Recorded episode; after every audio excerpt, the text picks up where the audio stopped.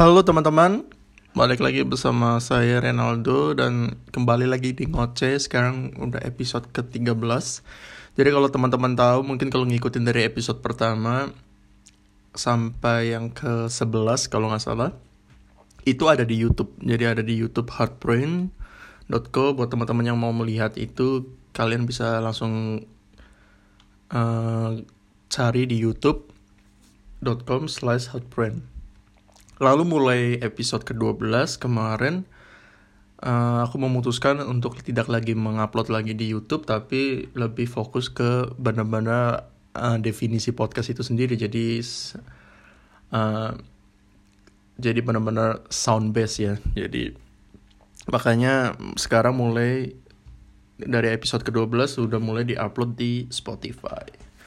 Oke, okay, jadi yang kemarin yang ke-12 itu sebenarnya udah aku buat cukup lama sekitar berapa bulan yang lalu kayaknya sebelum sebelum Natal bahkan tentang gimana sih uh, menyesal atau enggak kuliah di luar negeri.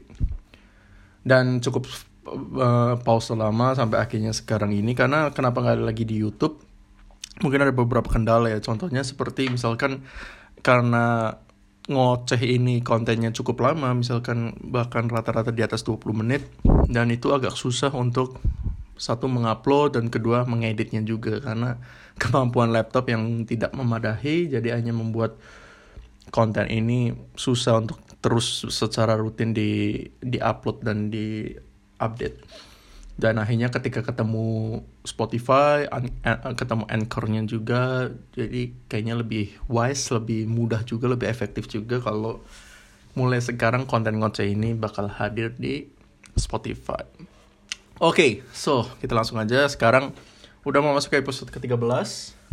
Uh, sebenarnya ngoceh sendiri ini kan base-nya adalah ngobrolin apa aja, jadi nggak ada tema spesifik tertentu. Kalau kalian masih ingat di episode pertama kan aku bahas tentang Real Madrid, terus habis itu aku bahas tentang waktu itu kebetulan uh, dapat kayak beasiswa ke Prancis, jadi ya cerita sedikit tentang kehidupan di Prancis, perbedaannya hidup atau sekolah di Prancis dan di Jerman, dan sekarang uh, aku pengen juga bahas-bahas yang lain jadinya. Jadi di ngoceh ini nggak ada spesifik tema khusus, tapi sekedar aku pengen mencurahkan apa yang ada di kepala tentang apa yang aku pengen ucapin, pengen aku sharing aja.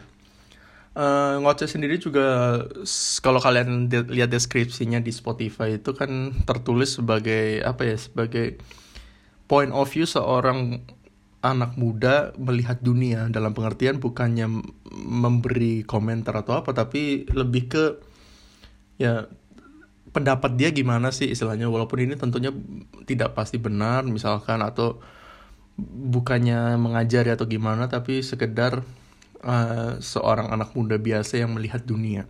Jadi bisa aja kontennya ini mengenai isu-isu sosial misalkan apa yang terjadi sekarang atau mencari tema-tema. Mungkin nanti suatu hari di satu episode mungkin aku random aja cari di internet apa yang lagi menarik untuk dibahas dan aku bakal sharing kan dan aku bakal bahas.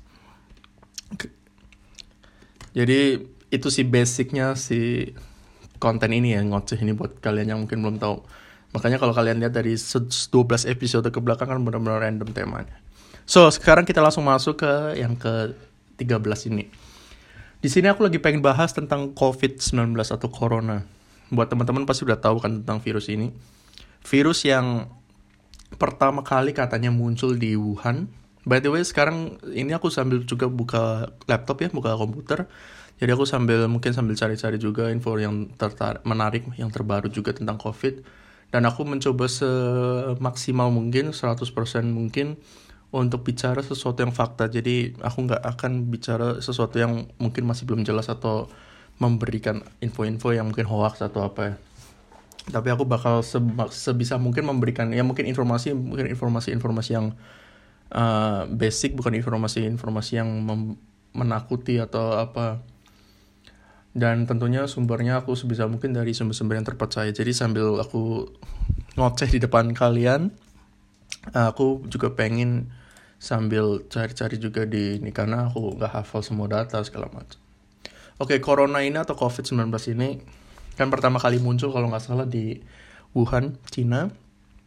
di kasus pertamanya itu kan di salah satu pasar di mana itu aku lupa uh, pasar salah satu pasar di Wuhan yang diberitakan katanya ya sebagai pasien pertama COVID-19 itu sendiri. Ini aku lagi sambil cari pasarnya itu apa ya? Ya pokoknya itu pasar basah karena kan kalau di Asia kan tipikalnya memang banyak yang pasar-pasar basah kayak di Indonesia kan juga banyak uh, yang jual makanan laut apa atau hewan-hewan yang nah dan secara mengejutkan COVID ini begitu menyebar begitu luas dan angkanya waktu itu sampai sekarang kan kalau di Cina sekitar 80 ribuan. Dan COVID yang corona yang berasal dari Cina ini yang dari Wuhan ini terus secara masif mulai naik ketika Januari atau Februari ke negara-negara di Eropa. Dan uh, di luar Cina itu kan yang pertama kali begitu naik angkanya itu kalau nggak salah Italia, Spanyol, terus di Iran, di Jerman sendiri juga, terus uh, di Prancis. Bahkan kalau per hari ini sekarang ini tanggal 15 April 2020 kalau kalau sekarang ini aku lagi lihat uh, situs WHO ya yang harusnya sebagai situs yang salah satu yang terpercaya dan terupdate. Karena untuk lihat sit, uh, angka ini juga harus hati-hati teman-teman karena kita nggak bisa sembarang lihat di website tertentu karena bisa aja angkanya itu mungkin terlalu dilebih-lebihkan atau mungkin nggak akurat karena ya memang mungkin maksudnya baik mungkin memberi rasa waspada tapi kan juga sebisa mungkin kita juga harus memberikan data yang akurat. Jadi kalau dari situs WHO ya, di sini sekarang ini yang tertinggi justru Amerika yaitu hampir sekitar 670 ribu kasus yang terkonfirmasi. Sedangkan kalau benua di Eropa karena memang tapi uh, angkanya yang tinggi di Eropa yaitu sekitar 904 940 ribu ini kan terbagi-bagi ke berbagai negara. Contohnya yang paling tinggi sekarang di Eropa itu di Spanyol. Di Spanyol sekitar 170 ribu lalu di lalu ada di Italia lalu Jerman salah satu yang tertinggi juga Prancis di Inggris. Jadi angkanya memang terbagi-bagi jadi terkesannya memang di Eropa kasusnya paling tinggi uh, sedangkan di Amerika sendiri yang secara mengejutkan uh, sangat tinggi ya angkanya. Untuk uh, aku nggak tahu ya mungkin aku nggak mau berani komen juga kenapa Amerika bisa begitu cepat naiknya. Ah, mungkin apa yang terjadi sama mereka mungkin karena adanya mungkin rapid test atau apa. Di sini aku nggak mau komentar dulu karena aku nggak mau kasih informasi yang nggak nggak akurat ya. Mungkin sambil jalan mungkin nanti kalau mungkin aku bisa menemukan alasannya mungkin aku bisa sharekan buat teman-teman. Jadi basicnya kenapa aku pengen bahas corona ini kan tadi simple. Jadi bagaimana sebenarnya aku pengen lebih membahas bukan lebih ke data ya tapi lebih ke bagaimana sih seorang eh, anak muda seperti saya ini melihat corona dan apa ya pengaruhnya juga buat kita. Jadi tadi kita bahas sedikit ya tentang corona itu. Corona ini dan diinfokan mungkin aku bisa coba sehari sendiri tentang COVID-19 ini. Mungkin info ini mungkin sebenarnya teman-teman udah tahu.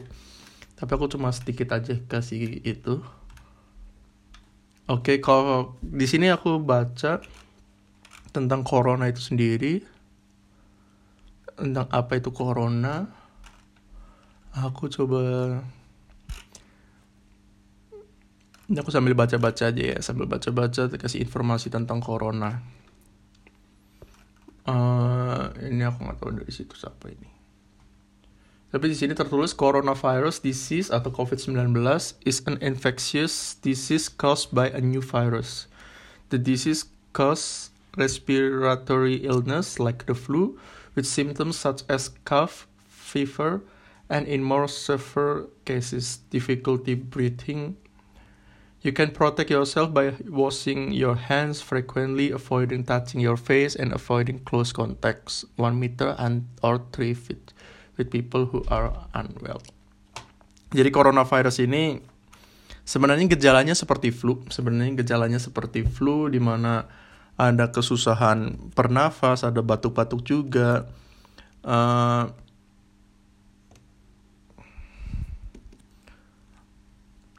Sebentar teman-teman aku lagi mau patiin ini dulu. Oke.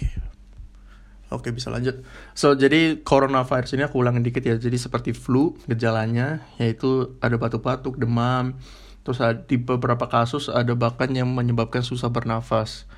Uh, dianjurkan dengan mencegahnya itu semua informasi sudah jelas sudah pernah dengar tentang ini yaitu mencuci tangan secara frekuensi menghindari menyentuh muka sebelum kita cuci tangan misalnya atau dan menghindari uh, close contact lah atau minimal kan sekarang yang sedang dikumandangkan kan dulu namanya social distancing lalu WHO mengubahnya itu menjadi physical distancing yaitu sekitar 2 meter 1 meter sampai 2 meter untuk mencegah penyebarannya itu. Karena coronavirus ini sebenarnya kan sebenarnya kan kalau kita bicara wabah ya kalau kita sedikit tengok ke belakang sebenarnya dunia bukan pertama kali terkena wabah wabah juga pernah terjadi di tahun 1920 itu tentang Spanish flu. Di mana uh, ini yang kita bicara wabah-wabah besar ya seperti contohnya Spanish flu itu bahkan kalau nggak salah korbannya sendiri bahkan lebih banyak dan lebih mematikan juga sebenarnya flu-nya. Dan tapi mungkin yang terjadi waktu itu kan memang sebenarnya salah satu contohnya mungkin akses ke berbagai tempat memang masih susah. Terus uh, sosial media juga masih belum ada bahkan cuma koran. Jadi makanya hebohnya vibe-nya penyebarannya mem memang semasif coronavirus sekarang ini. Kayak contoh kan dulu kalau nggak salah Spanish flu kan terkonsentrasi di Amerika. Uh, kalau di Indonesia sendiri kalau baca tentang Spanish flu memang ada beberapa tempat yang terkena yaitu contohnya kayak Banten, Cirebon atau Surabaya atau ada beberapa tempat tapi kan nggak semasif seperti ini karena mungkin ya memang transportasinya memang yang masih sangat jarang. Kalau sekarang ini kenapa begitu? Minum dulu guys. Sekarang ini kenapa begitu masif? Karena mungkin ya aksesnya aksesnya juga masih sekarang ini udah sangat gampang kan ke mana-mana juga gampang jadi penyebarannya jadi lebih luas Uh, sebenarnya juga COVID-19 ini sebenarnya bukan virus yang paling bahaya kan kalau kita bicara beberapa tahun lalu kalau kita masih ingat di Afrika kan pernah ada kasus tentang uh, Ebola misalkan. Lalu pernah dulu sempat ada namanya flu burung, flu babi. Jadi sebenarnya kasus wabah flu ini bukan yang pertama kali tentang terjadi lah di dunia. Tapi yang membedakan sendiri tentang coronavirus ini yang dengan yang lainnya mungkin adalah karena sifatnya itu yang gampang menular sifatnya itu yang gampang menular dibandingkan dengan virus-virus lainnya. Makanya jadi penyebarannya jadi masif, jadi heboh, jadi semua beberapa negara harus secara terpaksa mengadakan lockdown karena penyebarannya yang begitu masif. Jadi itu sih yang terjadi. Tapi kalau kita sebenarnya kalau kita balik lagi bicara tentang coronavirus, bukan pertama kalinya wabah ini terjadi di dunia. Oke, itu itu sedikit tentang coronavirus ya atau COVID-19 yang terjadi sedangkan sekarang ini kan banyak isu yang beredar tentang kebenaran COVID-19 ini. Apakah ini bio weapon lah yang diciptakan negara tertentu atau negara tertentu dijebak lah. Uh, seolah-olah pertamanya muncul di negara tertentu padahal sebenarnya bukan mereka yang menjadi penyebabnya segala macam uh, ya aku nggak mau bahas ke situ ya. Sekarang yang lebih terpen yang lebih penting adalah daripada menyalahkan satu sama lain adalah mencoba merendahkan kurvanya ini. Karena kalau kita lihat uh, sekarang ini kita lihat kumulatif dari confirm case-nya itu selalu naik. Bahkan hari ini per hari ini per hari ini uh, tanggal 15 April 2000 sorry sekarang ini tanggal 15 April 2020 di mana podcast ini aku record. Dan menurut data WHO di tanggal 14 April case naiknya itu 71 ribu. Jadi sekarang di seluruh dunia sekitar 1.800 uh, tapi yang menyedihkan adalah terusnya adanya penambahan jumlah kasus dari hari ke hari kayak mungkin dari mungkin kalau kita lihat beberapa hari yang lalu ada di tanggal 9 April naik 80 ribu di 10 April naik 84 ribu di 11 April naik 90 ribu lalu di 12 April naik 84 ribu 13 April turun cuma naik 70 ribu ya 14 April. Jadi tapi sebenarnya masih kumula masih naik turun masih fluktuatif. Dan tiap hari masih ada aja kasus dan cukup angkanya juga cukup tinggi yaitu puluhan ribu secara global ya. Jadi sebenarnya daripada kita berantem untuk menyalahkan mana yang salah mana yang menjadi penyebab apakah ini bioweapon atau enggak ya mungkin itu bahasannya kita nanti bisa bahas nantilah setelah setelah uh, wabah ini selesai. Tapi yang justru yang kita harus perlu lakukan adalah untuk menurunkan atau melandaikan atau membuat kurva ini menjadi plateau atau datar untuk kumulatifnya nggak terus menerus naik. Sebenarnya yang menarik juga harusnya kita bisa belajar dari Cina apa yang Cina lakukan di mana sejak tanggal Februari itu kalau nggak salah uh, di mana kurvanya mereka sudah cukup sudah sangat landai sekarang stay di angka 83 ribu dan ini kita harapkan juga terjadi di negara-negara lain di mana kurva itu juga nggak terus menerus naik tapi juga uh, juga semakin landai ya. Jadi itu sih jadi sebenarnya buat orang awam seperti aku yang nggak ngerti apa apa tentang ya politik dunia orang yang jahat segala macam tapi ya ya kalau aku sih mikirnya simpel ya. Sekarang ini yang kita mesti lakukan ya bukan mencari siapa yang salah atau siapa yang benar yang perlu kita lakukan adalah uh, sekarang ini sebagai orang awam ya sebagai manusia biasa istilahnya orang yang nggak bukan seorang saintis atau bukan dokter ya menjaga kita diri kita sendiri. Menjaga supaya kita tetap bukan menjadi uh, penyebab penularan tapi kita tetap stay di rumah. Karena kita sendiri kan sebenarnya kalau kita bicara COVID-19 ini kan sebenarnya COVID ini nggak mematikan selama ya tentunya ada beberapa kasus yang ada anak muda juga meninggal. Tetapi kalau kalau aku nggak salah baca di beberapa uh, sumber yang ada, yang aku harap itu terpercaya dan aku kayaknya percaya uh, itu sebagai sumber yang terpercaya. Uh, sebenarnya kan masa inkubasi itu 14 hari. Jadi kenapa kita diperlakukan self quarantine selama 14 hari untuk melihat uh, virus itu dan akhirnya mening virus itu mati. Dan parahnya kenapa self quarantine ini harus dilakukan? Kenapa? Karena parahnya akan terjadi kalau nggak terjadi self quarantine di mana kita bisa keluar, bisa ketemu orang, justru kita bisa menularkan yang rentan seperti orang-orang tua. Sebenarnya info-info ini kan kalian udah pernah dapetin. Jadi makanya bagian kita ya sekarang ini adalah ya stay di rumah benar-benar menjaga kontak untuk supaya kita nggak jadi carrier bukan cuma takut untuk tertular tapi paling nggak kita juga peduli sama orang-orang yang lebih rentan supaya mereka juga nggak tertular. Siapa tahu memang virus itu ada di dalam tubuh kita tapi karena kita mungkin sistem imunnya yang kuat karena kita uh, daya tahan tubuhnya yang bagus mungkin virus itu nggak berkembang jadi nggak membuat simptom dalam tubuh kita. Tapi justru uh, ketika kita ketemu orang lain, kita kontak sama orang lain, justru malah virus itu tertular sama orang lain yang mungkin daya tahan tubuhnya rendah. Atau mungkin punya penyakit komplikasi lainnya yang yang yang kita tahu juga itu sangat bahaya kan? Karena beberapa penyakit komplikasi bisa membuat uh, penderita ini jadi semakin parah kalau terkena atau terinfeksi corona.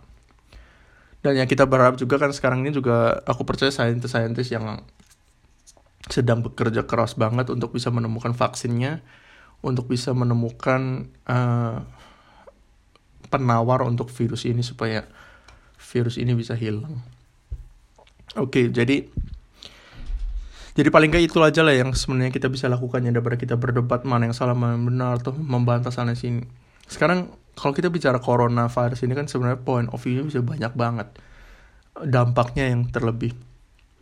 Uh, salah satu contohnya misalkan sekarang ini kan sekarang ini aku kebetulan tinggal di Jerman kuliah di Jerman dan dengan adanya coronavirus ini hanya pemerintah Jerman mengadakan sistem lockdown di mana semua orang, semua kegiatan itu benar-benar dimatikan, istilahnya benar-benar dikurangin. Seperti pekerja sekarang sekarang sudah ada sistem namanya work from home, bahkan nanti sistem kuliah juga mulai semester depan mungkin sampai sekarang ini sih beritanya adalah akan diadakannya online uh, online courses. Jadi cuma melalui online. Jadi benar-benar semua sistem ekonomi ya kita bisa bilang yang melambat atau bahkan mati sama sekali. Bahkan yang kalau sekarang ini seperti yang yang aku lihat sekarang ini yang ada di Jerman uh, bisnis-bisnis atau toko-toko yang mungkin cuma buka lah mungkin cuma toko-toko yang menjual bahan-bahan pokok. Seperti supermarket supermarket yang cuma buka sedangkan toko-toko lain restoran tempat-tempat hiburan dan segala macam semuanya harus tutup untuk mencegah penyebaran ini. Dan kalau kita bicara sekarang ini dan melihat yang terjadi di Indonesia, uh, mungkin hal yang sama mungkin nggak akan nggak bi bisa diperlakukan seperti yang apa yang dia berlakukan di Jerman. Seperti contohnya misalkan sistem lockdown. Memang sekarang ini lagi banyak perdebatan tentang apakah aku nggak tahu ya tentang update-nya sekarang ini tentang lockdown di Indonesia. Tapi ibaratkan kalau misalkan ada satu pertanyaan apakah Indonesia harus di lockdown apa enggak kalau kita bicara untuk mencegah harus kalau kita bicara tentang penyakitnya untuk cara satu-satu cara ya adalah melockdown seluruh tempat bahkan nggak cuma Indonesia bahkan seluruh dunia. Sampai 14 hari sampai simptomnya orang itu sembuh segala macam bah baru mungkin bisa hilang. Tapi permasalahannya kan kebijakan ini nggak bisa dilakukan di setiap tempat. Satu tempat mungkin bisa uh, bisa sukses tapi mungkin satu tempat lain memang nggak bisa. Seperti yang contoh kita bisa bandingkan contohnya misalkan uh, Jerman dengan Indonesia ini aku dari mata mata awam sebagai seseorang yang melihat ini ya kenapa Jerman bisa di lockdown menurut aku karena sistemnya di sini kan memang sudah bagus sistem ekonomi di sini memang bukannya cuma bagus tapi sistem di sini memang sudah berbeda dengan apa yang sistem di Indonesia. Contoh gini, mungkin aku nggak bisa memberi kata-kata yang pas untuk maksudnya apa yang dimaksud dengan sistem ini. Tapi misalkan contohnya begini, di Indonesia itu banyak sekali kan kalau kita lihat teman-teman lihat juga banyak pedagang-pedagang kaki lima yang banyak menjajakan jalan uh, jualannya di pinggir-pinggir jalan. Banyak dari mereka yang yang apa namanya mencari uangnya dari dari jalanan istilahnya. Dari pinggir-pinggir jalan. Mungkin mereka-mereka yang harus bekerja mungkin cuma atau buka toko segala macam berbeda hal itu kan tidak ditemui di Jerman nggak ada orang di Jerman yang pedagang-pedagang kaki lima atau segala macam itu permasalahannya ketika di Jerman sendiri ini mayoritas orangnya berpenghasilan dari dari gaji dari perusahaan yang cukup besar atau apa pun itu membuat sistem lockdown ini bisa dijalankan. Membuat sistem lockdown ini tetap bisa dijalankan dengan misalkan seperti sekarang ini kan di Jerman ada bisa ada asuransi segala macam aku kurang paham juga tentang itu. Jadi jadi orang masih bisa hidup istilahnya sekalipun harus di lockdown sekalipun harus tetap stay di rumah. Berbeda dengan atau misalkan atau mungkin juga dengan dengan Jerman yang juga banyak usahanya juga berbasis online atau soft, uh, software misalkan atau apa pun itu yang tetap bisa punya penghasilan. Berbeda dengan Indonesia kan Indonesia sendiri kan mayoritasnya juga mungkin mereka-mereka yang berpenghasilannya mungkin dari misalkan dengan berjualan di pasar atau dengan menjual makanan di di pinggir jalan atau di mereka-mereka pedagang kaki lima yang yang membuat mereka jadi susah untuk untuk bisa dapat makan gimana istilahnya kalau lockdown itu diadakan. Kalau lockdown itu benar-benar terjadi makanya sampai sekarang ini kalau aku nggak salah Indonesia masih belum pernah melakukan lockdown karena memang situasinya memang berbeda. Makanya ini sebenarnya sebenarnya seperti buah si malakama sih ya. Jadi pilihan yang sulit buat pemerintah Indonesia untuk bisa mengambil sikap dalam keadaan seperti ini. Karena kalau misalkan memang nggak di lockdown penyebarannya memang bakal benar-benar masif. Tapi masalahnya di satu sisi kalau Indonesia di lockdown ekonominya benar-benar hancur dan itu bisa bahaya banget kan buat Indonesia. Ya dan situasi ekonomi sosial budaya yang ada di Indonesia memang tidak tidak se sama seperti yang ada di Jerman. Yang yang berulang kali aku terus tekankan ini bahwa itu yang menjadi permasalahan apa uh, pemerintah Indonesia masih belum bisa melockdown. Makanya sekarang ini mungkin yang dilakukan kebijakannya di Indonesia adalah mungkin kesadaran dari kita masing-masing yang bisa untuk stay dari rumah, untuk yang bisa work from home segala macam atau online tadi usahanya bisnis online untuk tetap stay di rumah. Jadi lockdownnya itu kalau di Jerman kan mungkin lockdown berlaku untuk semua. Siapa pun itu yang ada di Jerman harus di lockdown. Bahkan kalau sekarang ini kalau kalian mungkin nggak aku kasih informasi sedikit contohnya misalkan ada beberapa bus dari antar negara bahkan antar kota sendiri juga dibatalkan. Nanti mulai mungkin baru berlaku lagi di awal Mei. Sorry. Baru berlaku lagi mungkin di awal Mei uh, sedangkan kalau di Indonesia mungkin sistem lockdownnya ya untuk untuk sebagian orang. Mungkin yang mereka mereka bekerja kantor mereka mungkin bisa work from home. Kalau mungkin kalau kita bicara untuk yang mahasiswa atau sekolah atau pelajar sebenarnya itu kan nggak ada masalah. Sebenarnya kan yang permasalahan sendiri di sini selain menyerang kesehatan kan yang lebih terpe, yang lebih juga fatal kan juga menyerang ekonomi. Ekonomi yang mandek juga bukan satu kondisi yang bagus kan, bukan kondisi yang menyenangkan juga kalau kondisinya jelek. Makanya kalau sekarang ini kan juga kalau kita lihat dolar juga kan juga juga cukup tinggi terhadap rupiah. Karena permasalahan ini ya dolar euro juga cukup tinggi. Sekarang ini sih kayak masih turun. Sekarang ini di angka 15.700 eh sorry bukan turun sorry naik. Walaupun memang ya angkanya belum naik yang benar-benar masih sebenarnya masih fluktuatif.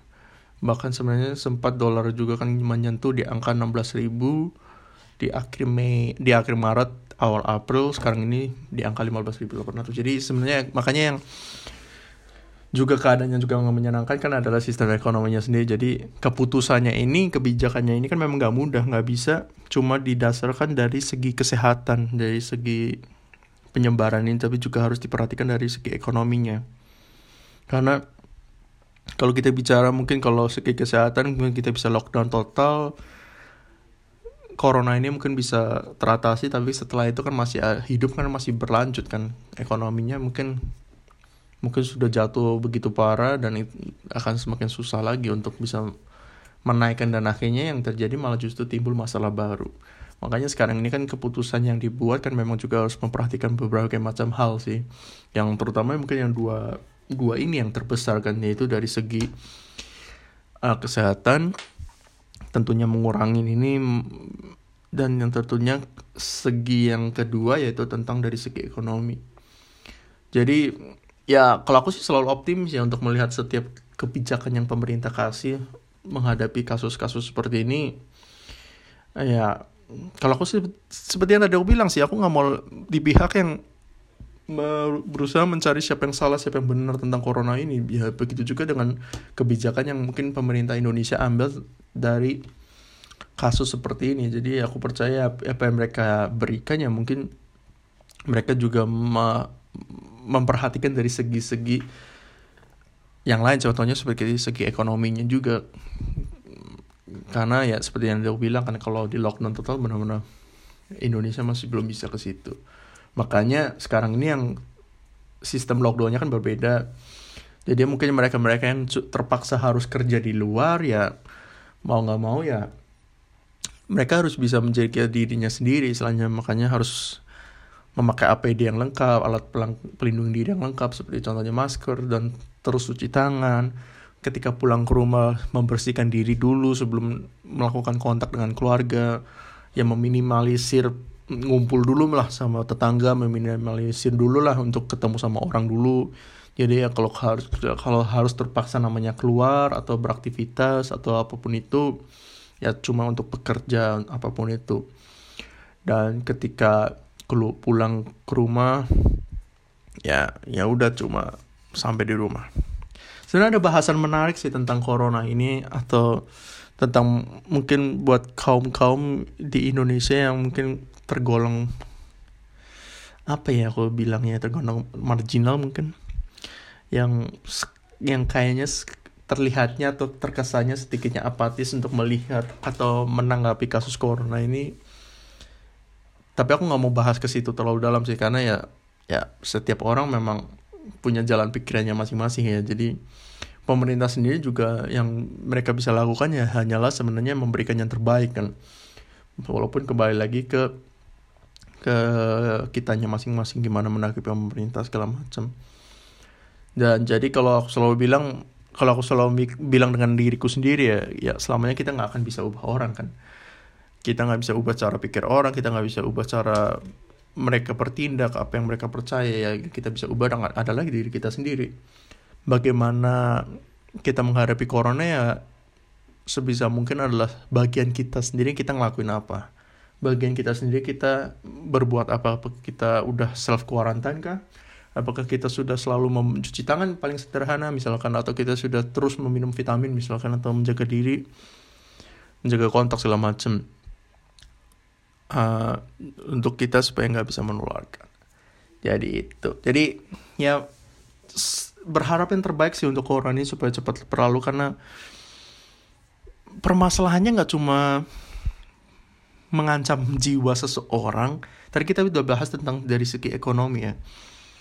Dan mungkin hal satu hal yang menarik juga yang aku menarik tentang corona ini kan dengan adanya corona ini kan sebenarnya kalau secara nggak langsung kan cara hidup orang kan mulai berubah.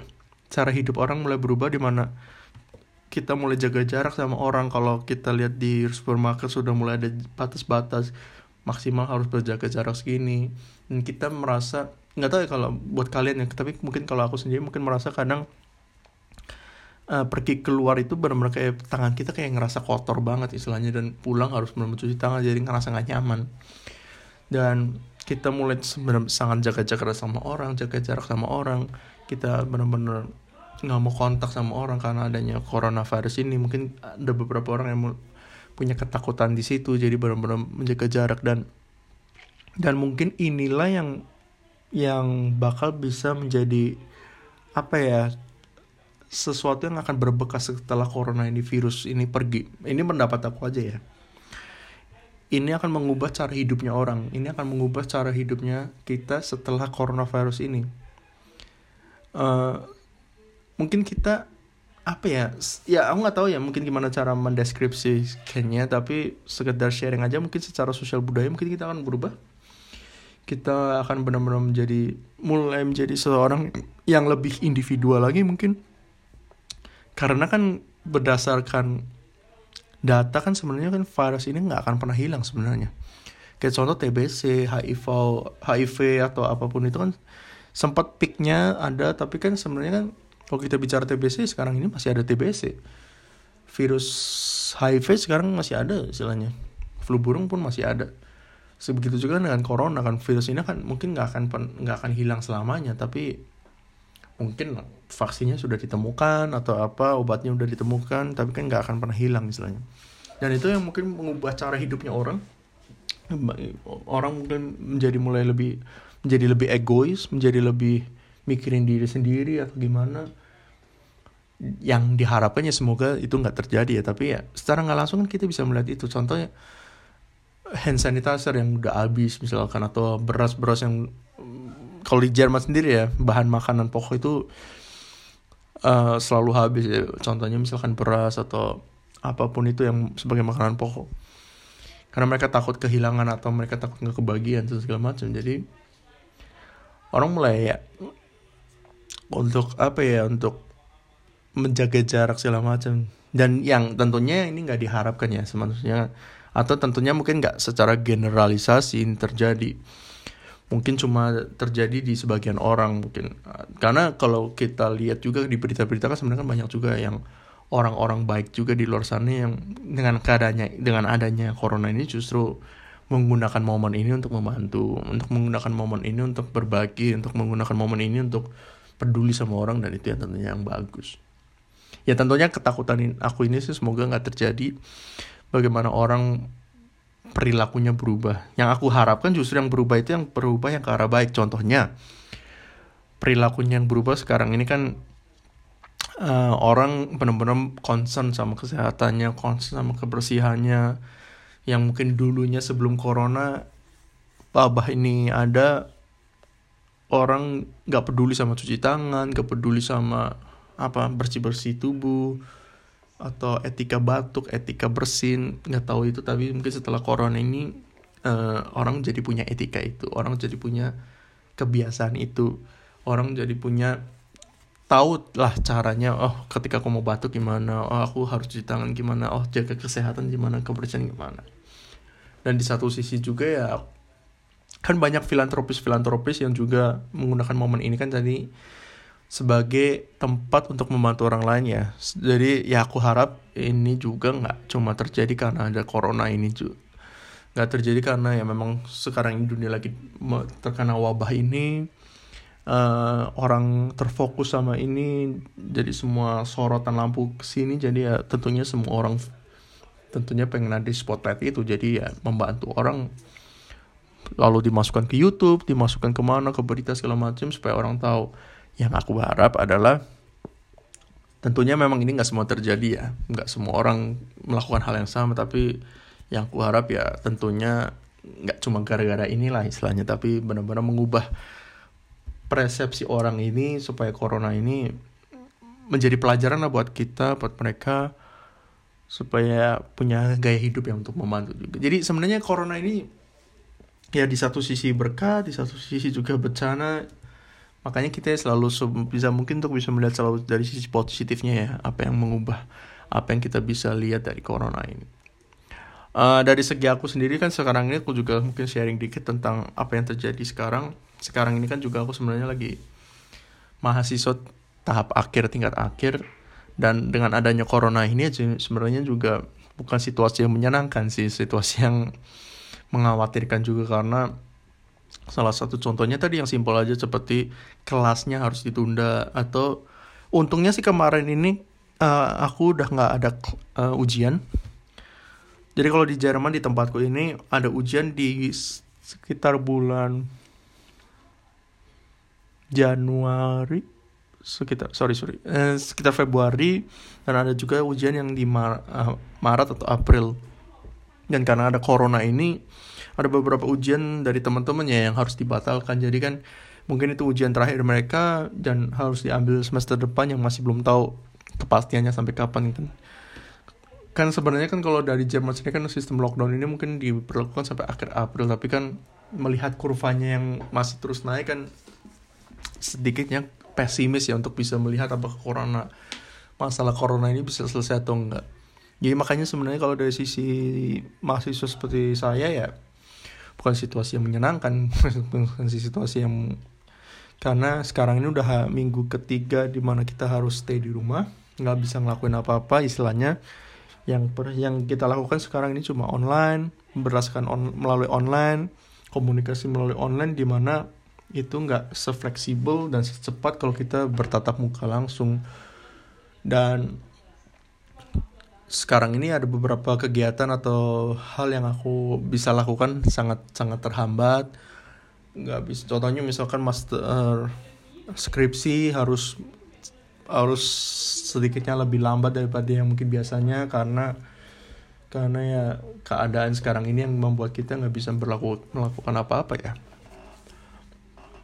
Uh, dan tentunya misalkan juga setelah ini kan juga sebagai mahasiswa sebagai lulusan mahasiswa kan juga selayaknya kan habis itu kan cari kerja atau cari apa tempat magang atau apa pun itu juga kan di situasi sekarang ini kan juga sangat mengkhawatirkan kan ya. kembali lagi kan tadi yang ke terhadap sistem ekonomi yang terjadi kan karena ya seperti sekarang ini banyak toko-toko atau perusahaan-perusahaan yang nggak berjalan yang secara nggak langsung ya mereka nggak punya pemasukan nggak punya penghasilan dan yang mereka juga nggak bisa menggaji orang juga yang terjadi aku nggak tahu ya di Jerman uh, sampai sekarang sih aku masih belum dengar berita tentang PHK PHK PHK gitu. Tapi kalau di Indonesia kan sudah sudah banyak banget ya.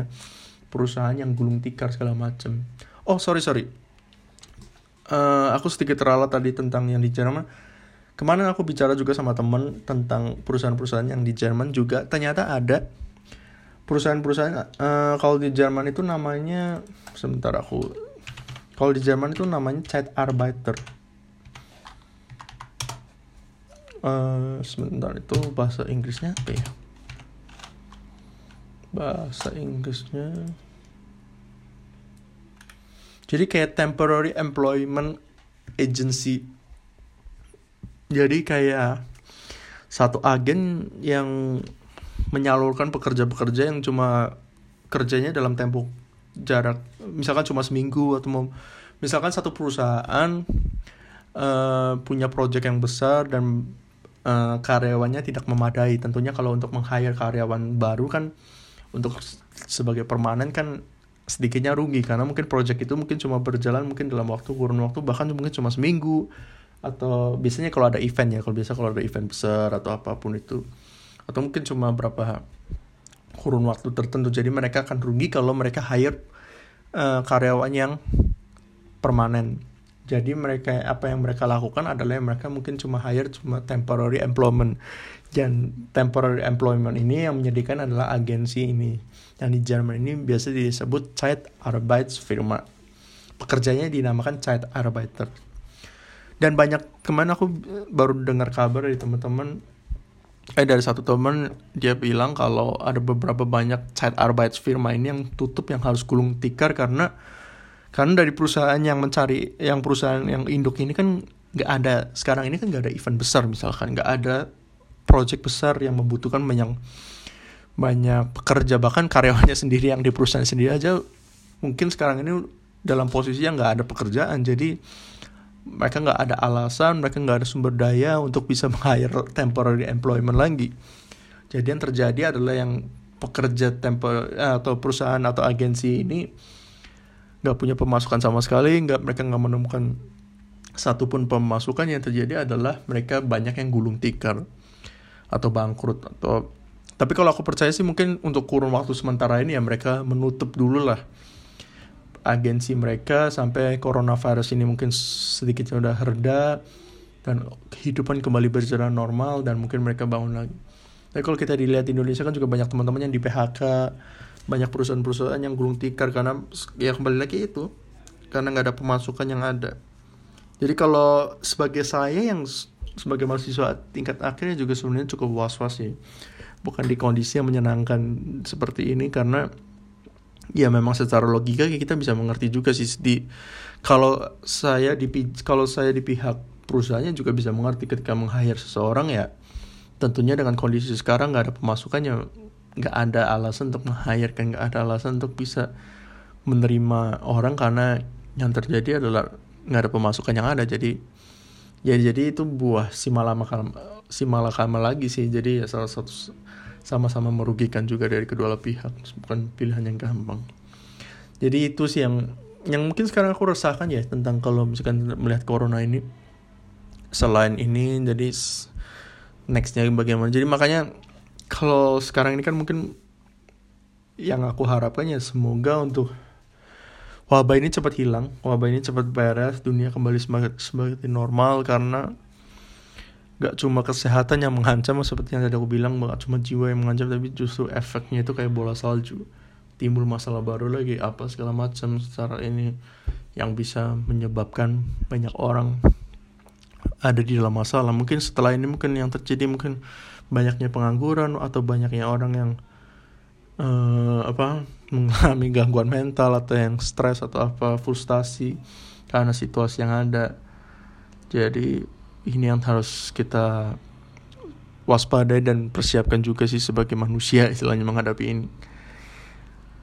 Uh, apalagi aku yang bisa bahas ya tentang corona ini. Aku coba bahas dari segi ini dari point of view ini sebagai mahasiswa. Yang perlu kalian juga harus perhatikan dan hati-hati juga tentang kabar-kabar yang ada ya tentang hoax segala macam juga kalian harus hati-hati. Jangan percaya semua tentang berita yang kalian dapat apalagi dari WhatsApp tuh yang paling bahaya kan karena sumbernya nggak jelas cuma dari forwardan orang lain. Bahkan dari sumber berita pun juga kalian harus berhati-hati dari portal-portal berita juga juga teman-teman harus hati-hati uh, menghadapi isu ini karena bisa aja banyak banget kan isu-isu hoax. Orang yang meninggal atau orang yang apa segala macam mungkin aja bisa aja itu kan bukan dari kasus corona tapi mungkin dari kasus-kasus sebelumnya tapi karena ya ini di blow up banyak orang yang juga mencari keuntungan dari sini kan. Jadi dari portal-portal berita atau dari apa pun itu menyebarkan hoax menyebarkan ketakutan segala macam. Jadi jadi itu. Jadi uh, apalagi ya? Mungkin aku udah kayaknya udah ini udah cukup lama juga. Udah 45 menit juga aku bicara ngoceh tentang corona ini. Uh, mungkin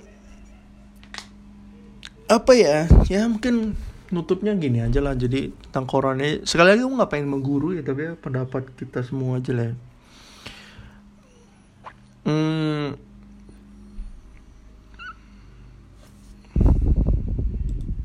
ini aku tadi baru baca nih tentang ini nih. Jakarta Post no lockdown for Indonesia. Jokowi insists as corona case continue to rise. Tadi yang tadi aku bilang kan karena alasan ini kan se yang disintetus the president said Indonesian people cultural characteristic and discipline were the two main reasons why the government had ruled out a lockdown, adding that the decision was also made after evaluating policies enacted by other countries during the pandemic. Ya seperti yang tadi aku bilang kan, jadi tiap orang negara berbeda nggak bisa disamaratakan. Dan banyak orang bilang, aduh kalau Cina, Korea ini segala macam, ya tentunya kan orangnya berbeda. Jadi kita harus bisa melihat sendiri kan uh, yang terjadi sama kita gimana dan apa yang Oke, jadi sebenarnya tadi nutup dari bicara ngoceh kali ini episode 13. Uh, mungkin yang kita bisa lakukan adalah yang mungkin berjaga diri, jaga kesehatan buat kita sendiri. Kita ya udah mentingin kita mikirin diri kita sendiri dulu. Yaitu dengan cara apa? Yaitu dengan cara menjaga kesehatan. Bukannya egois ya, tapi uh, dengan kita mungkin nggak bertemu orang dulu atau apa social kontak atau soal physical kontak sama orang justru kan sebenarnya secara nggak langsung kan kita peduli sama orang lain secara nggak langsung kan kita mencegah orang yang lain mungkin terkena atau atau mungkin kita sendiri yang terkena dan kita mencegah orang lain terinfeksi juga kita tetap jaga kesehatan banyak makan segala macam buat teman-teman yang mungkin sekarang ini lagi uh, dalam masa sulit mungkin. Mungkin masih belum jelas gimana kuliahnya gimana pekerjaannya mungkin tetap semangat. Pasti ada jalan sih pasti kita harus tetap lihat positifnya. Setelah ini pasti uh, kita bisa belajar sesuatu kita mungkin jadi manusia yang baru lagi punya pribadi yang baru lagi belajar sesuatu yang baru lagi. Kan dunia bukan pertama kalinya terkena wabah seperti ini kan justru dengan keadaan sini justru membuat kita semakin kuat semakin uh, berhati-hati. Jadi aku udah banyak panjang lebar berbicara kan tentang mungkin kultur kita jadi berubah. Yang kita harapkan tentunya berubah ke positif. Ya dari kita sendiri kita terus mengencourage kita lah untuk kita bisa berubah ke positif. Mulai jadi jaga kesehatan jaga jaga kebersihan dan segala macam. Uh, dan tentunya kita terus berdoa dan berharap yang terbaik supaya corona ini bisa hilang supaya saintis bisa menemukan vaksinnya dan bisa kita berdoa juga kita berharap juga buat pemerintah-pemerintah kepala-kepala pemerintah pemimpin-pemimpin di dunia juga punya kebijaksanaan yang bagus lah. Kebijaksanaannya juga memikirkan orang banyak supaya ya sama-sama untung lah istilahnya kan. Nggak memikirkan satu dua pihak doang tapi juga memberikan kesejahteraan juga kesenangan buat bagi banyak pihak. Oke kayaknya itu aja sih yang aku pengen ngocehin tentang corona covid-19 ini. Supaya buat supaya semoga dapat insight yang menarik dari corona. Yang which sebenarnya semuanya udah banyak sih yang kalian dapat tentang corona ini. Jadi sebenarnya aku pengen sharingnya juga cuma pengen ngoceh doang tentang corona apa yang ada. Oke okay, so thank you buat teman-teman sampai di episode 13 ini kalian masih dengerin atau kapan pun mungkin uh, di tahun berapa mungkin uh, kalian baru mendengar konten ini ya ini terjadi di tahun 2020 April di mana dunia terkena wabah corona. Dan aku berharap sih saya sendirilah berharap ketika 10 tahun lagi 20 tahun lagi kita